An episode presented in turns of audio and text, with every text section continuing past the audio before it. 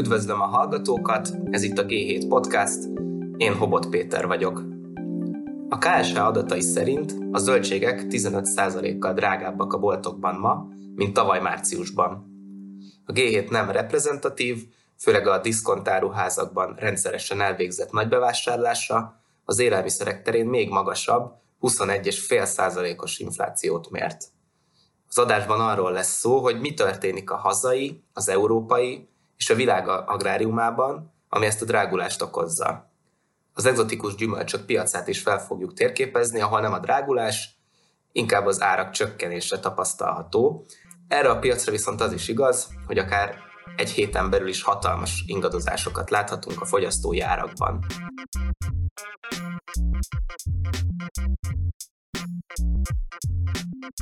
Vendégem Bige Zoltán, a Nitrogénművek stratégiai igazgatója. Szerbusz Zoltán, köszönöm, hogy elfogadtad a meghívásunkat. Szia Péter, köszönöm szépen a meghívást, és üdvözlöm a hallgatókat. Így a nulladik kérdésként azt szeretném megkérdezni, hogy, hogy mivel foglalkozik a nitrogénművek és a cégcsoport, és hogy általában, hogy el tudjuk helyezni, hogy milyen rálátásod van a magyar mezőgazdaságra, mondj pár szót, hogy mivel foglalkoztok. Ugye úgy gondolom, hogy a nitrogénműveket senkinek nem kell bemutatni. A PT Show termékéről nagyszüleink, dédszüleink is elég jól ismerik a céget. Ehhez képest ma egy kicsit másképp fest a nitrogénművek.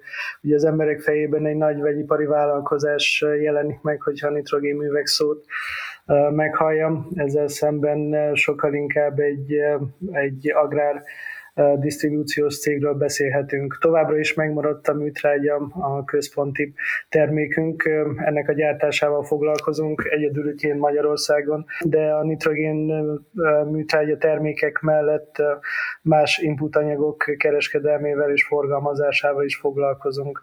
Ezt a tevékenységünket jó pár évvel 2009-ben indítottuk útjára. Tulajdonképpen kihasználtuk a, a piachoz való hozzáférésünket, óriási kapcsolatrendszerrel rendelkezünk, óriási ügyfélállományjal. Az ügyfélállományunk az, az meghaladja a 3000-es darabszámot, úgyhogy nagyon jól ismerjük ezt a piacot. Igen nagy rálátásunk van hiszen maga a műtrágyaipar az több iparágnak a kereszteződésében található. Ezt gyakran hallhatjuk más iparági szereplőktől is Európában, hogy tulajdonképpen a nitrogén műtrágya gyártás az mind az energiaiparban, mind a mezőgazdaságban, mind a vegyiparban, mind az élelmiszeriparban jelen van, és, és így, hogy ilyen sok iparágban közvetlen szerepünk van, úgy, úgy gondolom, hogy elég jó rálátásunk van azokra a folyamatokra, amik most történnek napjainkban. A műtrágya ára hihetetlen magasságokba ugrott, ami egy nagyon fontos fejlemény, hiszen ez meghatározó költségeleme a növénytermesztésnek tehát például a búza önköltségének durván ötöde, 20%-a műtrágyázás volt 2018-ban, és az elmúlt másfél évben a monokálium foszfát műtrágya, a tonnája például 400 euró körül volt, most 1500 euró. Mi okozza ezt a három-négyszeres növekedést? Műtrágya árának az elemzéséhez szerintem érdemes jóval inkább visszamenni az időben. Nem 2022-es eseményekről beszélhetünk csak, hanem magában az elmúlt mezőgazdasági évben három krízis helyzettel is szembesülhetünk. Ugye az egyik a Covid, ami sajnos már régóta itt van velünk, és viszonylag az iparágunk elég jól kezelte. COVID szempontjából a műtrágyaiparban a legkockázatosabb elem a, a gyáraknak a tovább üzemeltetése, vagy folyamatos üzemeltetése jelentette, hiszen ezek a gyárak folyamatos üzemben vannak, ez azt jelenti, hogy egy, egy jó hatékonysággal rendelkező műtrágyagyár az három évente áll le egy hónapos időszakra azaz folyamatos üzemi jellemzi ezeket a gyárakat. A COVID ebből a szempontból jelentett kihívást, hogy, hogy ezt a folyamatos üzemelést, munkaerő erőforrással tudja menedzselni az iparág, és, és úgy gondolom, hogy Európa szerte jól teljesített az iparág.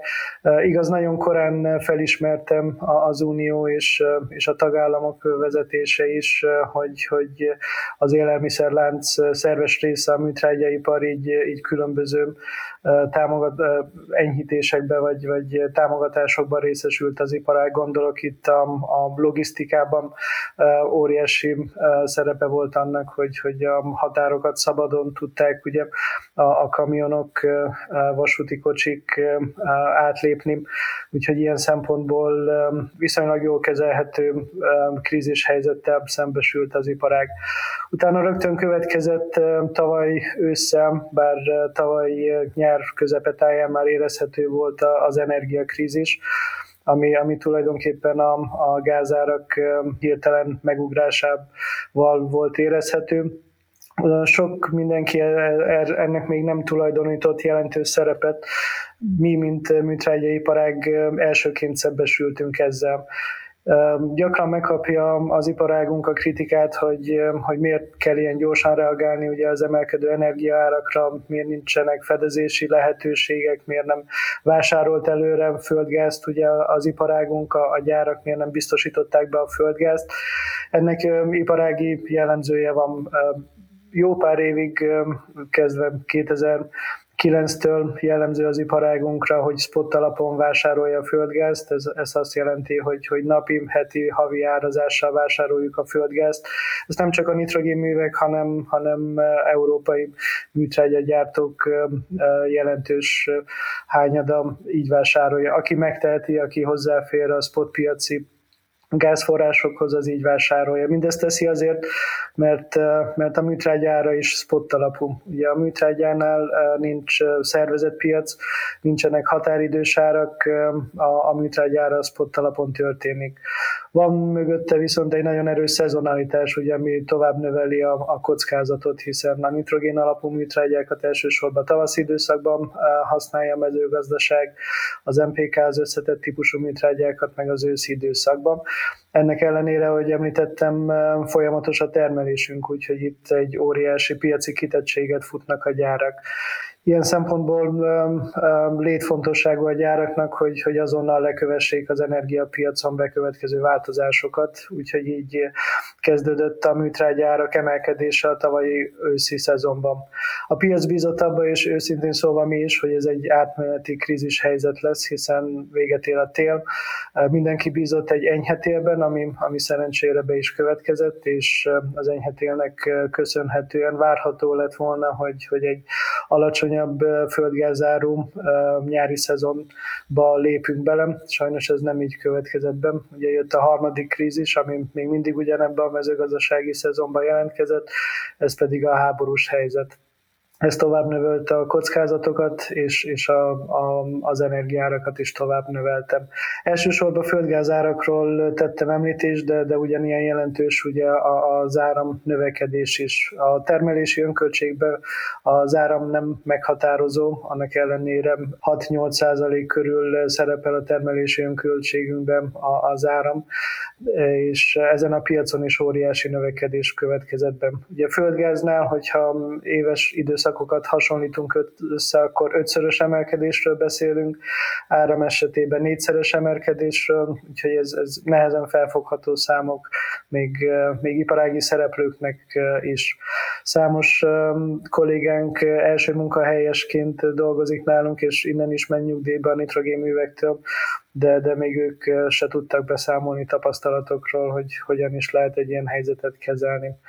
Úgyhogy kérdésedre visszatérve az energiárak növekedése egyértelműen megjelent a műtrágyárakban és ennek eh, várhatóan eh, nem is látjuk a, a, a pozitív eh, jeleit, hogy, hogy csökkenni tud a következő mezőgazdasági szezonra. Előttünk van a nyár, ugye a földgáz felhasználása most csökkenésnek indul, ugyanakkor nem kell elfeledkezni arról, megfeledkezni arról, hogy a földgázt be kell tárolni, hiszen télen ugye nincs annyi fizikai forrás, ami elegendő lenne a felhasználáshoz. A fizikai felhasználás jelentős része tárolókból történik. Most ha nyáron nem kerülnek feltöltésre a földgáztárolók, akkor egy újabb válsághelyzetben kerül Európa, sőt a világgazdasága, és erre fog most készülni tulajdonképpen. És egyel még hátrébb lépve, milyen, a rálátásod alapján milyen más inputár növekedések történtek az elmúlt időszakban. Ugye a, a végülis a műtrágy az egy, egy része csak annak, hogy, hogy sikeresen termeljen az ember, tehát tényleg négyszeres növekedéseket látottunk az elmúlt időszakban, de mi a helyzet a vetőmagok, árpabúz területén, vagy a növényvédőszerek esetében? Ott ezeknél az input anyagoknál a növekedés nem ennyire erőteljes, hiszen más típusú termékekről van szó. Ugye a műtrágya egyedül, ami igen energiaintenzív termék az input anyagok közül. A többi input anyagnál ez nem jellemző. Ugyanakkor emelkedés az egyértelműen jelentkezik, hiszen logisztikai problémák vannak, ellátási lánc problémák jelentkeztek, így az összes input anyagára emelkedik az emelkedés nem több száz százalékos, mint a műtrágya esetében, de 10 és 40 százalék közötti emelkedést tapasztalhatunk más input anyagoknál is. Ez az emelkedés várhatóan a következő mezőgazdasági szezonban fog csúcsosodni, hiszen ezeknél a termékeknél jellemző a spottárazás, de, de, de inkább éves árszintekkel indul a, a szezon, így ez a mezőgazdasági szezon tulajdonképpen támogatva volt az előző éves inputanyag termelések révén. Az emelkedés várható tovább folytatódik, szóval ezeknél az inputanyagoknál, vetőmag növényvédőszereknél azt várjuk, hogy, hogy a következő szezonban látványosabb emelkedés fog bekövetkezni. És itt nem lesz igazából pozitív hatással egy energiár korrekció sem, ezt, ezt tulajdonképpen maga a mezőgazdasági termelés fogja már befolyásolni. Úgyhogy ott várakozásaink szerint tovább fognak emelkedni az árak. Itt Magyarországon a gazdák szempontjából milyen folyamatok zajlanak, hogyan érzékelik az inputárak növekedését. Ezekkel dinamikusan, párhuzamosan növekednek a felvásárlási árak is, és egy alapvetően nyereséges évre készülnek a gazdák, vagy erről még nem tudunk ilyen pontosat mondani. Elég erős szezonalitás jellemzi a mezőgazdaságot is. Az elmúlt évben kijelenthetjük, hogy, hogy attraktív eredményt tudott produkálni a mezőgazdaság számos szegmensen. Itt elsősorban a növénytermesztésre kell gondoljunk, hiszen még egy alacsonyabb input anyagköltségekkel viszonylag magas terményárakat sikerült realizálni a mezőgazdaságban. Ez feltételezhetően elég tartalékot keletkeztetett a, a, a termelőknél. Ugyanakkor a, ami előttük áll, az, az a mezőgazdaság előtt az, az kiszámíthatatlan a, a zárak volatilitása az, az erősen megnehezíti és kiszámíthatatlanná teszi a, a termelésüket. Természetesen, hogyha az alap fundamentumokat nézzük, akkor, akkor a mezőgazdasági termelés nagyon erős alapokkal rendelkezik, hiszen csak ugye az előbb említettük, hogy, hogy a fogyasztás folyamatosan nő, hiány várható, úgyhogy ha valaki elég magabiztos és, és bízik az előrejelzésekben, akkor, akkor nagy magabiztossággal vállalni tudja a jelenlegi input költségeket. Sok nagy mezőgazdasági termelő ezt vállalja is, de, de sokaknál ez a bizonytalanság már eléri ezt az inger küszöböt, ahol, ahol elkezdi csökkenteni az input anyag költségeit. Természetesen globálisan ez, ez probléma, hiszen Magyarországon biztos, hogy nem lesz élelmiszerellátási válság, vagy, vagy olyan helyzet, amikor a, a magyar lakosság nem jut élelmiszerhez, de, de ennél sokkal nagyobb Magyarország szerepe. Ugye exportáló országról beszélünk, ugyanúgy, mint Ukrajnának is óriási globális szerepe van, így Magyarországnak is mezőgazdaságilag fontos szerepe van a globális élelmezésben, és, és ezt a, erről a szerepről nem szabad megfeledkezni. Nem szabad uh, azt gondolni, hogy bezárhatjuk a, a határokat, és, és önellátóká válhatunk, hiszen nem ez a cél itt, itt a mezőgazdasági szereplő szereplők tudatában vannak, tenni is akarnak értem, csak, csak a kockázatok, amivel szembesülnek, azok olyan óriásiak, hogy, hogy nehezen kezelhetőek. Erre természetesen vannak megoldások, amik korlátozottan, de, de elérhetőek. Említettem, hogy, hogy a műtrágyára nincs szabályozott piac, nincsenek határidős árak, ezzel szemben a, terményre létezik, úgyhogy mi, mi tavaly ősz óta tulajdonképpen az ügyfeleinknek azt tanácsoljuk, hogy próbálják fedezni a pozíciójukat, próbáljanak előre leszerződni, biztosítsák be az árbevételük egy jelentős részét, ami, ami legalább fedezi az inputanyag költségeiket. Számtan a kockás lapon még ma is ilyen inputanyagárak mellett kijön a számtan, megéri mezőgazdasági tevékenységet folytatni. Nem is beszélve ugye a humanitáriánus részről, amit említettem, hogy, hogy itt a mezőgazdaságon azért óriási súly fekszik, hiszen az élelmezésben kulcsfontosságuk van. Tehát megéri, de most bátornak kell lenni, és vállalni a magas input árra járó kockázatokat? Bátornak, vagy nagyon szofisztikálnak lenni abban, hogy, hogy pénzügyi eszközökkel akár pozíciót vegyenek fel, és próbálják csökkenteni a, a piaci kitettségüket, hiszen erre van lehetőség. És mennyire gondolod azt, hogy ez egy Európa probléma? Tehát lehetséges-e, hogy, hogy az európai mezők, ha ez csak európai probléma, akkor az európai mezőgazdaság unblock kerül versenyhátrányba az import termékekkel szemben. Amíg az energiakrízisről beszéltünk, csak egyértelmű, hogy, hogy elsősorban Európa került versenyhátrányba, hiszen a magas energiaárak elsősorban Európában voltak jellemzőek, az európai ipart versenyképességét nehezítették, így a háborúval és, és a, a, a mezőgazdaság várható teljesítményének a csökkentésével ez most már egy, egy globális probléma. Egyre több felsővezető az iparágunkból szólal felhangosan, hogy tulajdonképpen egy élelmezési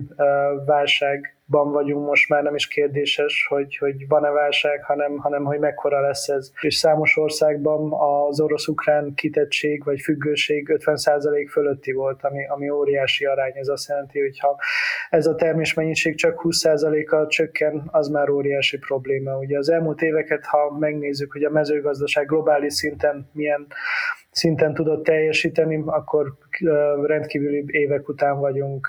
A termés átlagok folyamatosan növekedtek, rekord termésekről számoltunk be folyamatosan az elmúlt években. Ennek ellenére a terménykészletek nem tudtak növekedni. Ugye ez azt jelenti, hogy, hogy a felhasználás is ezzel a növekedéssel párhuzamosan növekedett. Most bármilyen kis visszaesés problémát okoz.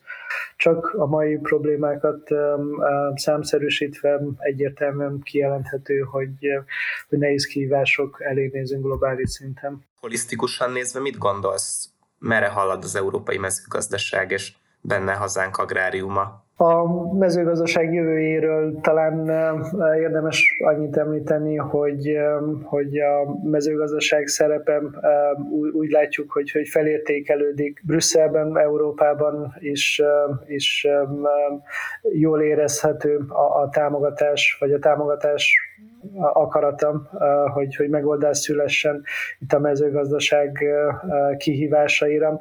Ez, ez közép-hosszú távon járhat lehetőségekkel. Így, mint nitrogénművek stratégiai igazgatója, próbálok optimistán hozzáállni minden helyzethez, és, és a lehetőségeket meglátni, és jelenleg azért, azért vannak lehetőségek. Úgy gondolom, hogy, hogy a szakember hiány megoldódhat azzal, hogy maga a mezőgazdasági tevékenység felértékelődik, nagyobb figyelmet kap, így, így vonzóbbá válhat sok fiatal számára.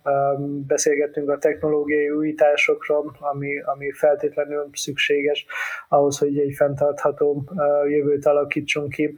Ilyen szempontból is ezek a technológiai újítások egyértelműen fókuszálni fognak a mezőgazdaságra, hiszen a globális kihívásokra a mezőgazdaság számos területen megoldást fog tudni kínálni. Ugye, amikor globális kihívásokról beszélünk, akkor élelmezésről beszélünk, vízről, energiáról, ezekben mind szerepe van a mezőgazdaságnak, úgyhogy itt, itt nagy lehetőségeket látunk, amit, amit érdemes lesz kihasználni a, a közeljövőben.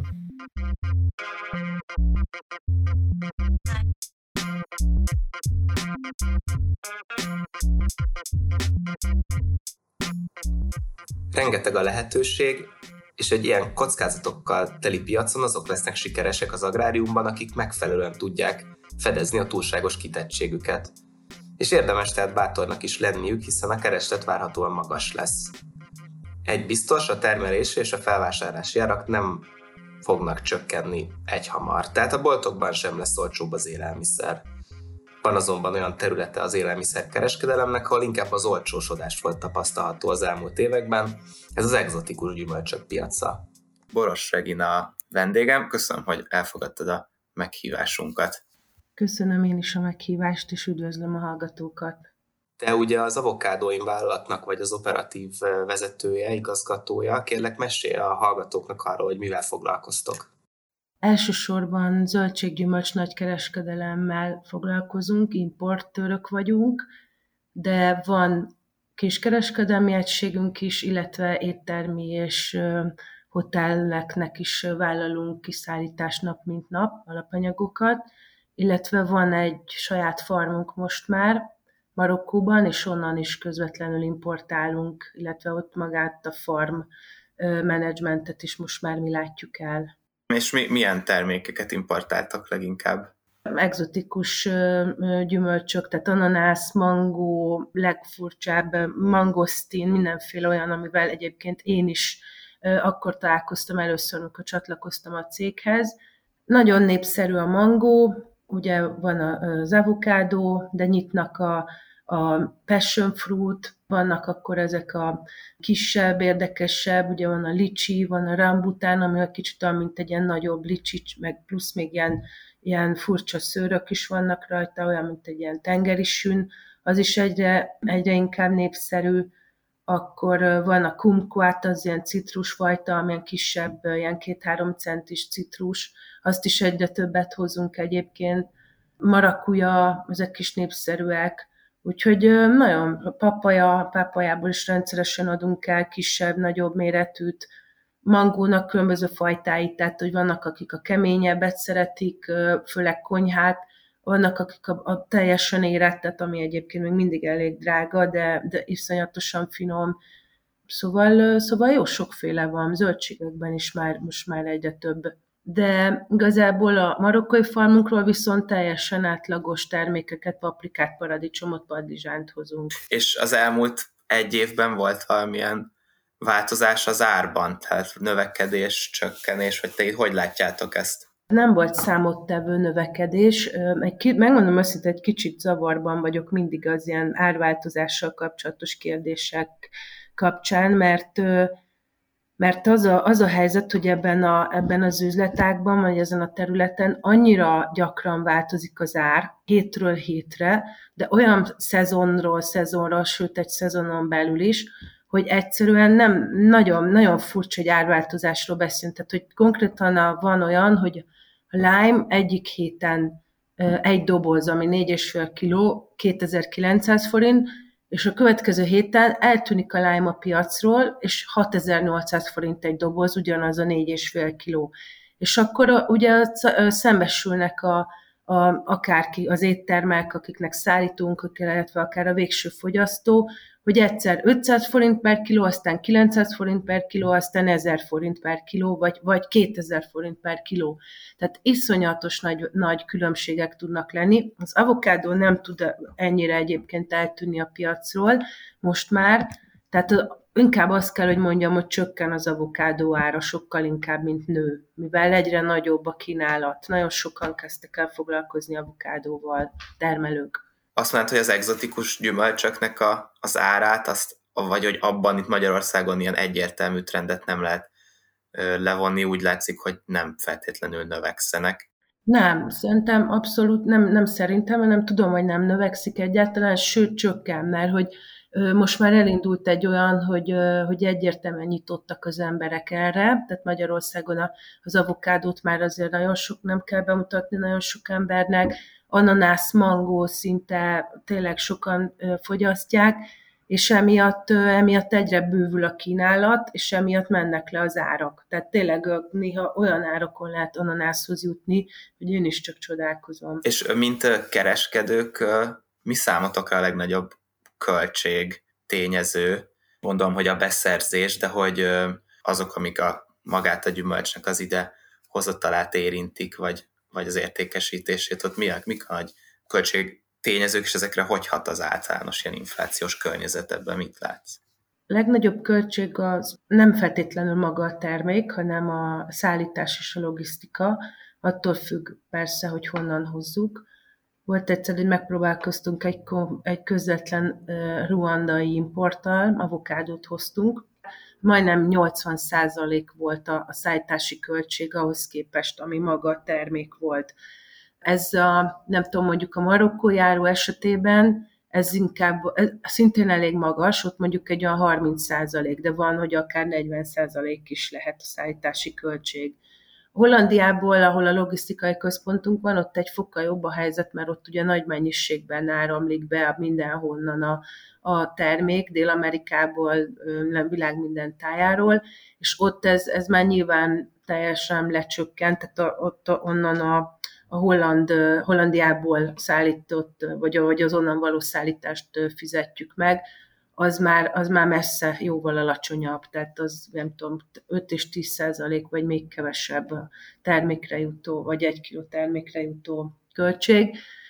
A logisztika az eléggé meg is tudja nehezíteni mostanában, elég sok problémánk van a kamionokkal, kamionszerzéssel, a marokkói kamion, marokkói transportcéggel, nehéz is találni kamiont, magyar kamiont nagyon nehéz találni sokszor egyébként, mert van egy, szerintem ez egy elég komoly probléma.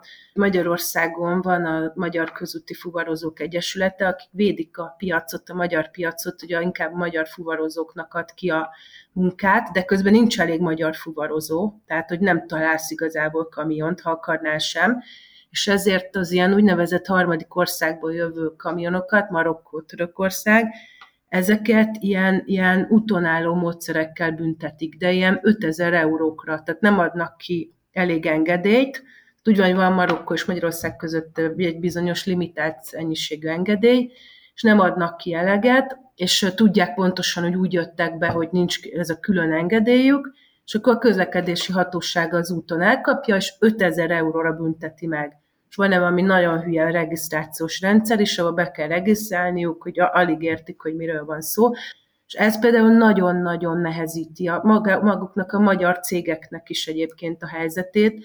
Tehát, ha jól értem, akkor nehéz helyzetben vagytok, mert a piacon egyre több a exotikus gyümölcsimportőr, ami lenyomja az árakat a fogyasztók felé, míg a szállítmányozás és a termelés az, mintha drágulna mi, mi folyamatosan nagyon nehéz helyzetben vagyunk, tehát igazából ez az egész üzlet, ez, ez a típus, ez nagyon-nagyon-nagyon kemény, tehát nagyon durva az egész. Tehát azért is, mert nagyon limitált az időt, hogy elad a terméket, tehát a banán esetében konkrétan napok, órák, amik rendelkezésre állnak, és olyan a termék árának, a, vagy a minőségének a, tehát nem tudom, a egy, egy érettségi szín, hét érettségi szintje van egy banánnak, és mondjuk kettő-három az, ami kicsit még zöldes, és ha átmegy egy negyedikbe, négyesbe, akkor onnantól kezdve 8000 forint per doboz, ami általában 18,5 kiló, helyett 2000 forintért tudod eladni. Tehát ilyen nagyon-nagyon keményen csökken az ár napról napra.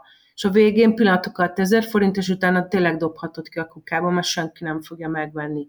És azért ez elég sok ilyen, nyilván nem minden terméknél ennyire drasztikus, de amellett, hogy nagyon-nagyon limitált általában a, a, az ideje, a időd, amíg el tudod adni, de a piac állandóan változik. Ha nem egzotikus zöldséggyümölcsár növekszik, akkor átterelődnek majd fogyasztók az egzotikus piacra, még inkább, mivel azt ugye beszéltük, hogy az kevésbé kevésbé növekszik most jelenleg, mert úgy tűnik, hogy egyelőre még a piaci verseny lenyomja ezeket az árakat. Uh-huh.